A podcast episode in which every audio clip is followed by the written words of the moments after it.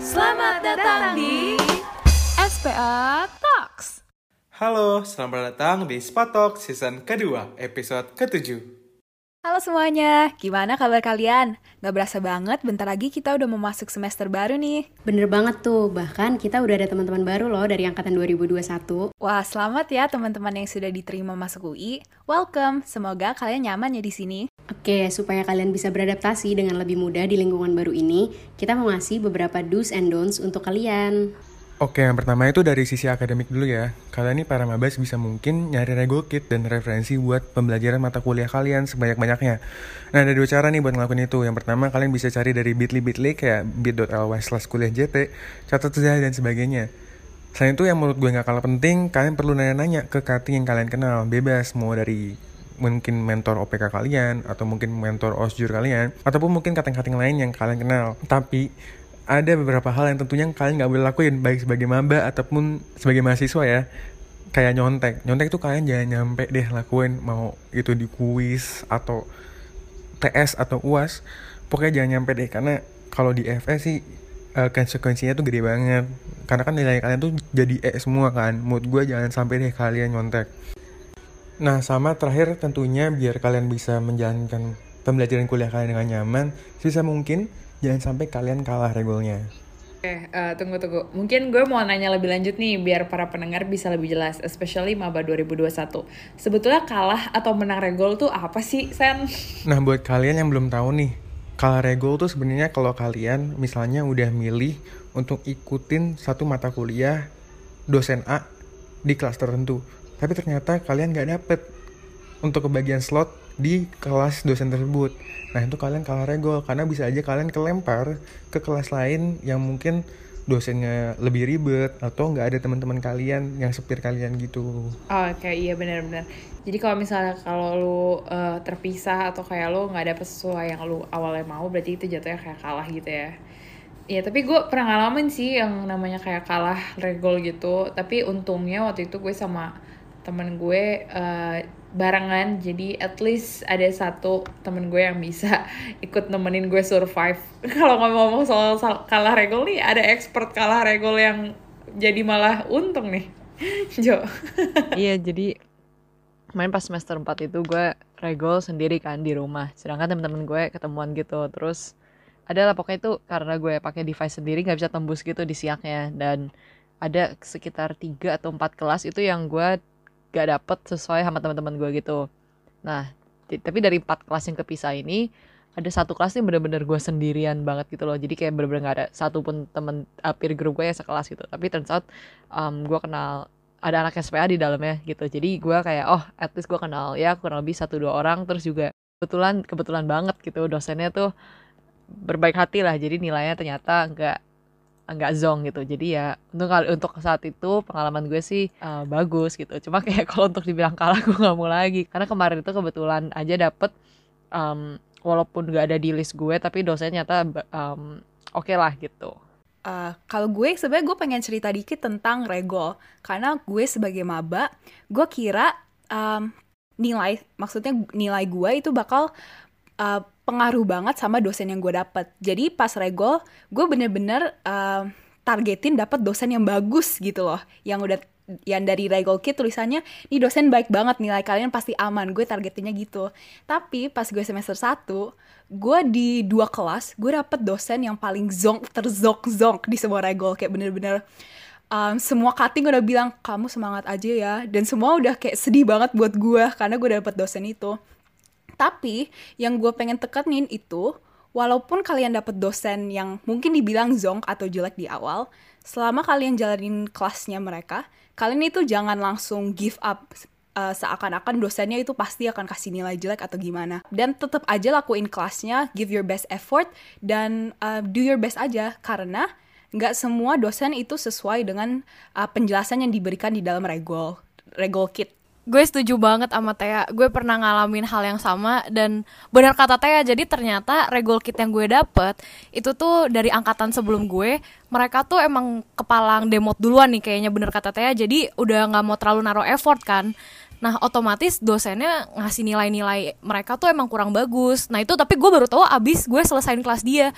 Ternyata tuh yang ngambil kelas sebelum gue emang anak-anaknya yang udah kepalang pasrah duluan gitu. Makanya regol kit tentang nama dosen itu jelek banget. Tapi pas gue bahkan ketua kelas gue aja bisa dapet 100 di UTS UAS guys. Jadi em, kalian bayangin aja. Maksudnya kalau kalian emang tiba-tiba dapat dosen yang tidak sesuai ek- ekspektasi bener kata Teh ya kalian tetap harus effort aja yang penting. Karena bisa jadi yang apa ya em, cutting yang memberikan kalian regol kit bisa aja dia tuh ternyata di kelasnya em, jalaninnya nggak sesuai dengan keinginan dosennya atau dianya emang nggak terlalu effort gitu jadi bener banget untuk em, jangan terlalu pasrah dengan situasi lah. Kalian bisa kok membalikan situasi asalkan kalian niat. Eh, gue setuju banget sih sama yang tadi dijelasin sama Thea dan Eldi karena menurut gue sendiri gak ada dosen yang benar-benar 100% itu baik dan 100% zonk gitu loh. Jadi eh, sebenarnya asal kita naruh effort kita untuk ngerjain apa yang eh, diingin dosennya itu tuh bakal ngebantu banget eh, buat kita pas kul- perkuliahan gitu Oke, jadi mungkin kalau misalnya boleh gue simpulin dari semua regol kit ini, eh dari semua topik regol kit ini, berarti yang paling penting tuh sebenarnya yang akan menentukan nilai kita itu sebenarnya effort kita sendiri ya.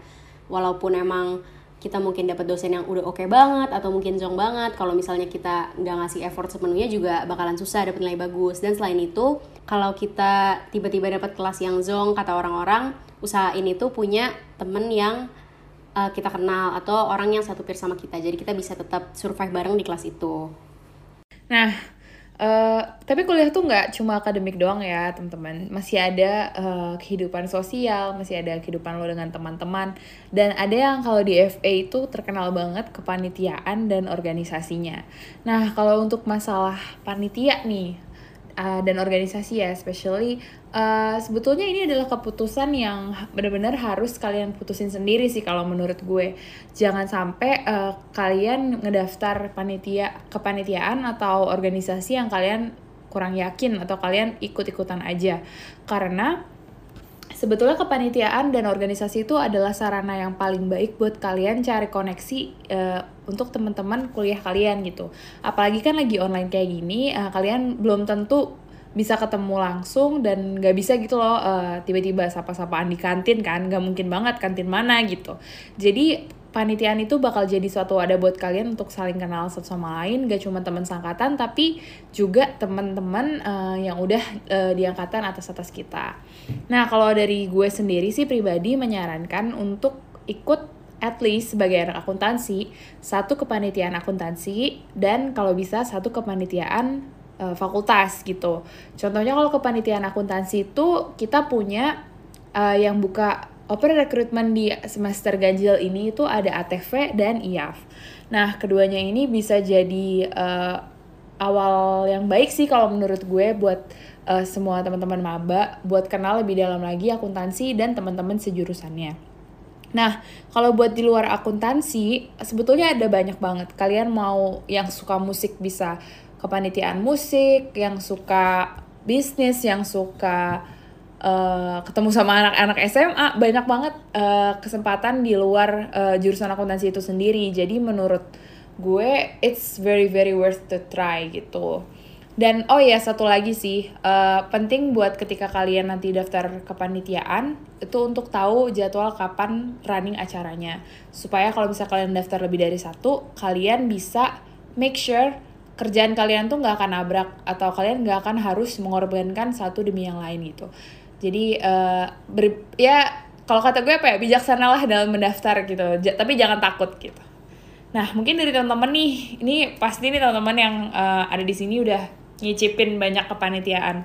Mulai yang dari paling paling akademis sampai yang paling joget-joget. Nah, silakan nih teman-teman ada yang mau cerita nggak? Eh gue mau cerita dikit sih tentang pengalaman gue kepanitiaan ya karena pas maba itu ya biasa lah kalau lu maba kan ibaratnya norak kan manor kan maba norak jadi kayak apalagi waktu itu pas gue oprek itu pas lagi masih offline gitu. Jadi semua panit yang buka di semester itu itu mereka apa ya buka lapak lah di wih buka lapak tuh. Buka lapak di Batang gitu dan juga di student center gitu kan. Nah terus lo kayak seneng aja gitu kayak kayak kerasa banget hype-nya. Kayak kating-kating pada ayo ayo daftar gini. Kayak rame lah gitu segala macem. Gue daftar lah. Gue daftar tiga gitu. Terus akhirnya ada satu cutting yang uh, nyuruh gue daftar satu lagi jadi gue totalnya daftar empat gitu. Nah dari keempat panitia yang gue daftar itu gue juga awalnya ya kayak Anin bilang gitu gue udah tahu um, gue make sure dari awal bahwa um, runningnya itu nggak bersamaan gitu. Jadi supaya gue bisa perform maksimal di keempat empatnya. Kalau misalnya gue keterima nah itu dia. Gue pas di awal gue mikir kayak ah gue daftar empat aja mana tau ntar ada yang ketolak gitu kan. Karena dari maksudnya dari kayak cutting yang gue ngobrol gitu mereka juga bilang kayak lu daftar aja banyak. Nah karena kan juga lo nggak yakin nggak belum tentu diterima semua. Kalau misalnya lu cuma daftar satu terus lo ketolak ya udah there goes your panit life karena lo nggak ada lagi gitu kan. Dan itu hanya once a year gitu loh uh, buat oprek gitu. Ya udah gue kayak ayo udah fine gue daftar empat mana tau ketolak dua gue ada dua gitu kan. Nah tapi gue keterima empat empatnya nih alhamdulillah ya. Nah tapi ya karena yang tadi Anin bilang um, jangan sampai runningnya nabrak dan gue beneran gue tetapin itu runningnya nggak nabrak kan. Cuman apa ya jadinya emang runningnya nggak nabrak cuma lo harus consider uh, poin-poin um, di hari uh, hari sebelum hari H kayak misalnya radif segala macam. Kalau misalnya lo ada empat panitia berarti lo butuh empat radif kan. Nah itu kayak banyak kepanitiaan yang radifnya tuh weekly gitu. Jadi um, tergantung tergantung divisi lo sih sebenarnya. Nah itu kalau misalnya lu tiap minggu ada empat radif itu kan sebenarnya kayak capek juga kan. Belum lagi kalau misalnya nanti lu mau daftar apa misalnya kayak di semester 2 lu misalnya mau ada jaget gitu atau misalnya uh, uh, oprek organisasi gitu kan. Nah itu kan ada lagi nambah lagi kan. Jadi sebenarnya nggak cuma tanggal running yang perlu consider cuma kayak dan juga harus ada um, sebelum hari H. Kayak misalnya tadi gue bilang radif terus juga jadwal tim bill. Itu kan um, apa ya ya takes time and butuh uang juga gitu kan nah, jadi ya kayak gitu lah di consider gitu kalau dari gue Iya, jadi empat panit tuh antara alhamdulillah atau astagfirullah ya. alhamdulillah gue kebetulan ya karena waktu itu pas gue gue gue bener-bener running banget itu cuma dua, sisanya kan ke kena covid kan. Waktu itu pokoknya totalnya gue sampai lima atau enam gitu bersama. Cuma kan ada yang di semester 3, semester 2 dan ada yang kedampak covid juga kan. Jadi mundur segala macem. Nah gitu kalau gue. Mantap. Kira-kira kalau dari teman-teman yang lain ada yang pengalaman panit gak nih? Boleh nih nambahin-nambahin. Halo, sebelum kita mulai episode podcast hari ini, ada info sedikit nih dari Kak Jocelyn. Nah, segitu aja nih pesan dari Kak Jocelyn. Yuk, langsung kita dengerin episode hari ini. Gue pengen nge-sharing waktu itu pengalaman gue yang agak takut untuk ngambil risiko pas di awal. Jadi kalau misalnya, kan di FA itu kalau misalnya kalian udah ini sebenarnya general sih kayak kalian kalau udah ngambil satu kepanitiaan itu harus banget nih tanggung jawab sama pekerjaan yang ada. Nah karena kayak gitu gue jadi kayak mikir ah kayaknya gue ngambil sedikit aja deh. Kayaknya gue nggak mau ngambil risiko. Jadi sebisa mungkin gue ngambil yang oke okay, yang gue pengen aja biar gue nggak keteteran atau ya udah kayak bisa ngejalaninya lah gitu. Tapi pada akhirnya sebenarnya uh, gue ngerasa kayak kayak gue masih bisa untuk ngambil uh, lebih deh. Maksudnya bisa nyobain hal-hal baru. Karena jenis kepanitiaan gue pun juga itu nggak banyak yang kayak misalnya nyobain nah, kepanitiaan yang tentang musik atau mungkin tentang volunteer dan lain-lainnya. Kayak cuman fokus ke misalnya uh, kepanitiaan yang tentang hal-hal yang kayak kajian atau mungkin hal-hal yang membahas isu-isu uh, saat-saat ini gitu. Jadi menurut gue untuk kalian kalau misalnya mau ikut kepanitiaan, kalian harus tahu banget nih diri kalian tuh kayak gimana, kapasitas kalian kayak gimana dan berani untuk ngambil risiko gitu. Karena jujur di FB itu banyak banget kepanitiaan. Jadi kalau misalnya kalian gak nyobain itu tuh sayang banget karena kalau misalnya di semester-semester berikutnya, kayak misalnya di tahun kedua itu kan kalian udah mulai lebih sibuk ya. Jadi bakal lebih memilih lagi kira-kira tuh pengen ikut kepanitiaan atau organisasi yang mana gitu. Jadi menurut gue untuk yang di awal-awal ini bisa banget untuk ngambil risiko dan tapi yang yang penting adalah kenal diri kalian dan uh, tahu nih kalian tuh pengen apa gitu. Iya bener banget gue setuju. Nah ngomong-ngomong soal ambil resiko di tahun pertama nih kita tuh uh, eh, FYI buat teman-teman maba uh, untuk semua organisasi kayak badan organisasi mahasiswa, uh, terus BSO juga. Nah itu tuh uh, baru buka pendaftaran di semester kedua kalian. Nah, tapi uh, di semester 1 uh, ada yang membuka internship atau magang di organisasi. Nah, contohnya di SPA ini. Nah, kita tuh punya program SPA internship yang bakal berlangsung selama kurang lebih tiga bulan. kenapa menurut gue program ini menarik banget uh, khususnya buat teman-teman nih yang udah daftar kepanitiaan dan mungkin penasaran lebih lanjut sebetulnya apa sih bedanya kepanitiaan sama organisasi gitu. Nah, uh, di semester awal ini kalian benar-benar bisa nge ibaratnya apa ya, nyicipin dan nyobain langsung kehidupan di kepanitiaan dan di organisasi gitu. Dan bener banget tadi kata Steven di semester 1 ini adalah kesempatan emas kalian buat nyobain banyak kegiatan di kampus karena sebagai apa ya langkah awal ini tuh bisa dibilang hal yang paling uh, mudah untuk membuat kalian terjun bener-bener di dunia FUI gitu. Nah kalau untuk SP internship sendiri uh, kalian kalau misalnya join di program ini bakal bener-bener langsung terlibat nih dalam semua kegiatan organisasi Nah, biasanya kalian bakal juga diberi kesempatan untuk daftar ke divisi yang kalian mau dan kalian bisa langsung ikutan ngurusin proker-proker divisi yang ada.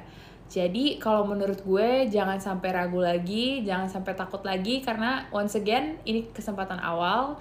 Uh, tahun pertama adalah tahun yang paling bisa bikin kalian bahagia. Jadi jangan sampai kalian membatasi diri kalian untuk hal-hal yang sebetulnya kalian gak harus takutin gitu. Jadi take your chances dan kalau bisa gue promosi dikit nih, boleh follow Instagram at SPFBUI buat cari tahu lebih lanjut kapan SP internship bakal dibuka. Dari gue itu aja sih, mungkin kita bisa lanjut nih ke teman-teman selanjutnya, apalagi nih yang mau diomongin. Nah iya nih nih benar banget. Karena kalau kalian ikut banyak kepanitiaan kan itu kalian bisa dapat banyak teman juga kan. Apalagi online kayak gini susah banget kan untuk tiba-tiba reach orang tip, uh, untuk kenalan kan itu agak canggung ya. Jadi biasanya orang-orang tuh cari temennya lewat kepanitiaan gitu. Jadi kalau bisa kepanitiaan kan kita satu divisi atau satu kepanitiaan. Jadi misalnya kalau di satu kelas yang sama oh ini udah kenal dia nih dari kepanitiaan A atau ikut uh, sama-sama ikut SP internship nih di uh, di kelas ini gitu. Jadi uh, banyak banget sih uh, yang bisa kalian dapat kalau misalnya ikut kepanitiaan. Ngomong-ngomong tentang pertemanan, selain uh, ikut kepanitiaan, kalian juga bisa melakukan beberapa cara untuk uh, kenalan nih sama orang-orang lainnya gitu. Kenapa sih kenalan sama orang lain atau memperbaik teman itu tuh perlu banget di uh, perkuliahan karena dengan kalian bisa berteman baik sama orang, kenalan sama orang lewat baik kepanitiaan atau di luar kepanitiaan, bakal banyak banget opportunity yang mungkin datang buat kalian. Entah itu nanti kalian dapat peer baru atau teman belajar baru. Terus mungkin bisa kalau kalian ikut lomba uh, terus kalian jadi jadi punya teman untuk lomba kan itu memungkinkan banget. Jadi perlu banget untuk kalian uh, membangun relasi nih sama orang-orang lain. Selain untuk kepanitiaan bisa banget untuk kalian melakukan melakukan beberapa cara yaitu bisa banget untuk aktif di grup angkatan gitu. Sebenarnya aktifnya itu nggak harus kayak setiap hari ngechat atau apa pun sih, at least kayak uh, membuka diri lah gitu sama teman-teman yang baru gitu. Kalau misalnya ada obrolan atau mungkin ada Zoom meeting baru, itu ikut aja gitu. Terus juga selain itu, kalian bisa ikut acara-acara yang diselenggarain oleh angkatan kalian gitu. Karena kan kalau misalnya di maba itu kalian bakal banyak acara-acara gitu kan. Nah bisa banget nih kalian ikut berpartisipasi menjadi salah satu kepanitia menjadi salah satu panitia di acara tersebut. Karena dengan begitu kalian bisa kenal lebih lanjut sama teman-teman apalagi teman-teman yang satu angkatan dan satu jurusan gitu. Nah untuk teman-teman yang lain ini ada pengalaman gak nih untuk berteman? Mungkin selain kepanitiaan bisa kayak ikut uh, aktif di grup atau ikut beberapa kegiatan uh, di uh, tingkat jurusan. Oh, mungkin gue kasih testimoni kali ya. Jadi um, kalau pengalaman gue gini, jadi um, awalnya gue sebenarnya nggak kenal mereka sama sekali sampai kita dalam satu kepanitiaan.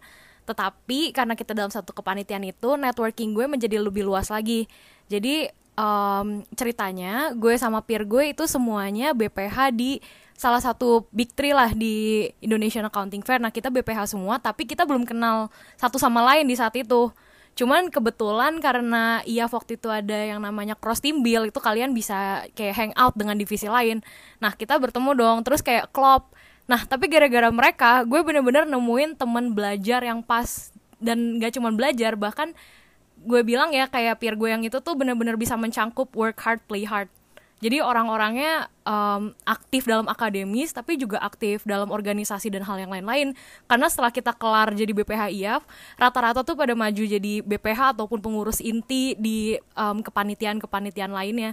Jadi kalian bayangin aja circle gue yang tadinya kenal cuman gara-gara satu panit, ternyata mereka maju jadi pengurus-pengurus di kepanitiaan ataupun organisasi lain sehingga um, network gue lebih luas dan bahkan lebih dari itu karena mereka gue kemarin sempet lolos ke top 10 finalis lomba ICAW jadi kayak menurut gue um, networking tuh penting banget. Jadi kalian jangan cuman stick misalnya kalian udah punya temen lah pas maba, kalian tuh tetap harus membuka diri kalian ke orang-orang baru.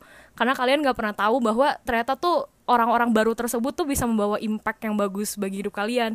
Jadi gue bersyukur banget sebenarnya padahal awalnya gue kepanitiaan cuman oke okay, yang penting gue nambah pengalaman. Ternyata gue dapetin orang-orang yang memiliki minat yang sesuai dengan gue dan bisa memotivasi gue untuk menjadi orang yang lebih baik lagi dan mendrive gue lah untuk survive di FE. Nah, mungkin yang lain ada yang mau cerita lagi tuh Testi membuat um, networking di FE gimana? Kalau dari gue nih ya, Uh, gue setuju sama LD. Kita itu harus ngambil semua kesempatan yang kita dapatkan untuk um, kenalan sama orang baru. Kalau sekarang kita online gini ya, and ini agak obvious, tapi aktif di grup um, osjur atau di grup os di grup OPK itu penting banget guys. Menurut gue, um, teman-teman OPK gue itu bener-bener oke okay banget selama semester 1, semester 2. Gue itu um, banyak dibantu oleh mereka dan kita juga um, karena ini online, they're really the first people I made friends with, dan gue uh, lebih menikmati kuliah gara-gara mereka. Dan gue bisa deket sama mereka karena gue banyak ngomong di grup OPK-nya. Ini secret pro tip, uh, secret pro tip dari gue ya. Keaktifan di dalam grup OSJUR atau OSPEC itu bakal jadi salah satu um, faktor pertimbangan kalau lu uh, daftar kepanitiaan. Maksud gue gimana? Biasanya kan kita itu um, BPH BPH kepanitiaan tuh kan nggak tahu kan lu sebenarnya gimana. Dan the only way for them to know uh, lu itu kayak gimana ya nanya orang-orang terdekat lu dan yang mereka yang mereka bisa tanya itu ke mentor lu. Jadi biasanya BPH BPH tuh tanya dulu ke mentor, "Eh, mau nanya dong, nih anaknya gimana?" Nah, dan kalau lu aktif di grup OSJUR atau di grup OPK lu, ya mentor lu pasti akan mengatakan yang baik dong tentang lu dan itu nilai plus gitu loh buat daftar di kepanitiaan. Ini bener banget guys. Jadi kalau lu bisa aktif di grup itu nggak cuma lu bakal dapat teman yang baik dan bakal asik di kuliah, tapi lu juga dapat nilai plus buat daftar ke kepanitiaan Jadi aktif itu walaupun hal yang kecil itu penting banget apalagi di online gini. Itu dari gue sih. Tapi yang Teh omongin bener banget. Jadi kebetulan tuh pas gue osjur, mentor gue itu um, udah lulus kan mereka sebenarnya angkatan 17 tapi mentor osjur gue itu tuh BPH di IAF di mana gue juga lanjut nyampe BPH dan mereka berdua juga eksekutif board di SPA di mana gue juga sampai jadinya lanjut di eksekutif board di SPA dan bahkan sekarang ada gue lagi ngambil kegiatan volunteer di mana mereka berdua juga lagi di sana. Jadi mentor tuh bisa ngebantu banget menurut gue mereka berdua ngebantu gue paving jalan uh, ngepave jalan buat gue dan bantu gue buat lebih motivasi juga untuk maju-maju gitu karena gue ngeliat based on their experience jadi bener kata Taya um, networking sama cutting itu plays a significant part di bagaimana kalian dilihat saat kalian daftar kepanitiaan ataupun organisasi. Kalau dari gue sendiri juga gue ngerasa bersyukur gue dapet uh, satu himpunan agama yang bisa ngebantu gue buat uh, networking sama cutting-cutting gitu. Jadi nanti kalau misalnya kalian masuk kuliah, uh, khususnya buat maba 21 kan kalian juga kenal kalian punya himpunan agama kalian masing-masing. Nah, in a way sebagai uh, universitas negeri yang nerima banyak banget orang dengan berbagai latar belakang gitu, uh, kalian boleh banget gitu untuk join dan aktif di himpunan agama kalian masing-masing gue mungkin uh, mau nambahin dikit sih dari tadi Tia bilang. Tia kan bilang kalau untuk apa ya berperan aktif lah. Hmm, di grup kayak di grup OPK atau mungkin let's say di grup angkatan segala macem gitu. Cuma mungkin gue ada sedikit down sih ya uh, dalam aspek itu gitu. Nah aktif yang dimaksud adalah aktif yang apa ya yang menyenangkan semua orang gitu. Dalam artian kayak lo aktif adalah lo jadi pribadi menyenangkan dan helpful dan um, membawa apa ya eh, hal-hal positif lah dalam let's say kita bilang grup chat gitu ya. Janganlah jadi pribadi ya janganlah jadi orang yang kayak misalnya lu di grup kayak lu ngomong hal-hal yang inappropriate gitu atau mungkin lu nyebutin hal-hal yang sebenarnya itu nggak perlu lu sebutin ke lingkungan baru gitulah menurut gue sih gitu. Eh, pinter-pinternya lu menempatkan diri jangan jangan menganggap bahwa semua grup chat adalah semua grup chat lo dengan tongkrongan lo gitu. Kalau gue sih mikirnya gitu karena kan apa ya maksudnya ini juga kayak tadi ini um, salah satu first impression lo kalian sebagai maba adalah ya di grup angkatan atau di grup OPK gitu kan. Jangan buat first impression yang buruk lah. Karena lo mikir kayak oh gue mau jadi orang yang asik nih di grup chat ini. Malah lu kayak tiba-tiba lu ngomongin hal-hal yang nggak penting atau yang inappropriate. Kalau menurut gue sih kayak begitu. Nah setuju banget sih sama yang tadi Joce udah bilang. Uh, mungkin kalau buat disimpulin kali ya, tadi LD, uh, Thea, dan Anin juga udah sharing juga. Kalau kita tuh bisa banget untuk membangun koneksi dan relasi sama uh, teman-teman di berbagai cara. Tadi mungkin dari kepanitiaan, dari grup osjur atau ospek, dan juga dari uh, himpunan agama atau himpunan-himpunan lainnya. Jadi jangan takut-takut ya guys kalau misalnya kalian pengen uh, pengen nge-reach out orang lain nih untuk apa untuk menjadi teman gitu karena kalian bisa banget untuk cari teman di berbagai cara dan di berbagai tempat gitu. Nah, bener banget tuh yang udah diomongin semuanya sama Steve. Uh, tapi ada beberapa hal juga yang kalian harus ingat uh, selama di FE. Uh, mungkin yang pertama kalau dari gue, uh, jangan peer pressure. Karena seperti yang kita tahu di FEB ini tuh bener-bener uh, mungkin lingkungannya beda banget ya sama SMA kalau dari gue sendiri kayak gue tuh SMA masih bisa santai-santai terus kayak gue nggak terlalu pressure ngelihat orang-orang tuh uh, dapat nilai ataupun ikut apa gitu-gitu tuh gue nggak terlalu pressure. Cuman pas uh, kuliah ini ternyata beda. Pertama kita dari lingkungan yang benar-benar beda banget. Udah gitu uh, itu benar-benar dari dari semua se Indonesia lah istilahnya. Kayak itu tuh berkompetisi tuh di di tempat ini gitu loh. Kayak biasanya kan lo cuma satu SMA di mana itu tuh biasanya dari teman-teman yang sedaerah sama lo semua ini kan kayak bener-bener lebih diverse lagi. Dan uh, ya menurut gue di sini emang lingkungannya tuh uh, lebih ambisius kali ya. Jadi kayak menurut gue jangan terlalu ke ya kepacu boleh tapi in a positive way. Maksudnya kayak kalau misalkan itu um, membuat lo terpacu dalam hal yang bagus itu nggak apa-apa. Maksudnya kayak uh, bikin lo jadi lebih rajin atau apa. Tapi kayak kalau misalkan itu udah mulai kayak toxic sampai bikin lo anxious terus kayak jadi inse yang berlebihan tapi lo jadi nggak bisa ngapa-ngapain menurut gue itu uh, harus bisa dikontrol sih sama masing-masing. Sama mungkin uh, satu lagi tadi sama kayak yang Jocelyn bilang uh, apa namanya kalau misalkan uh, kita tuh harus jaga omongan banget uh, selama kita di sini karena emang uh, ya kita memang harus aktif. Tapi ya yang tadi Jose bilang juga kayak uh, omongannya tuh tetap harus dijaga aktifnya tuh harus yang uh, positif dan appropriate gitu loh. Karena uh, menurut gue dan yang lain juga kayak tembok FE tuh tipis tipis banget. Jadi informasi tuh bener-bener uh, cepat tersebar. Kayak misalkan lo uh, daftar panit apa tapi ternyata lo di panit lain tuh kurang atau kayak gimana itu tuh bener-bener uh, bisa tersebar luas banget sih menurut gue juga.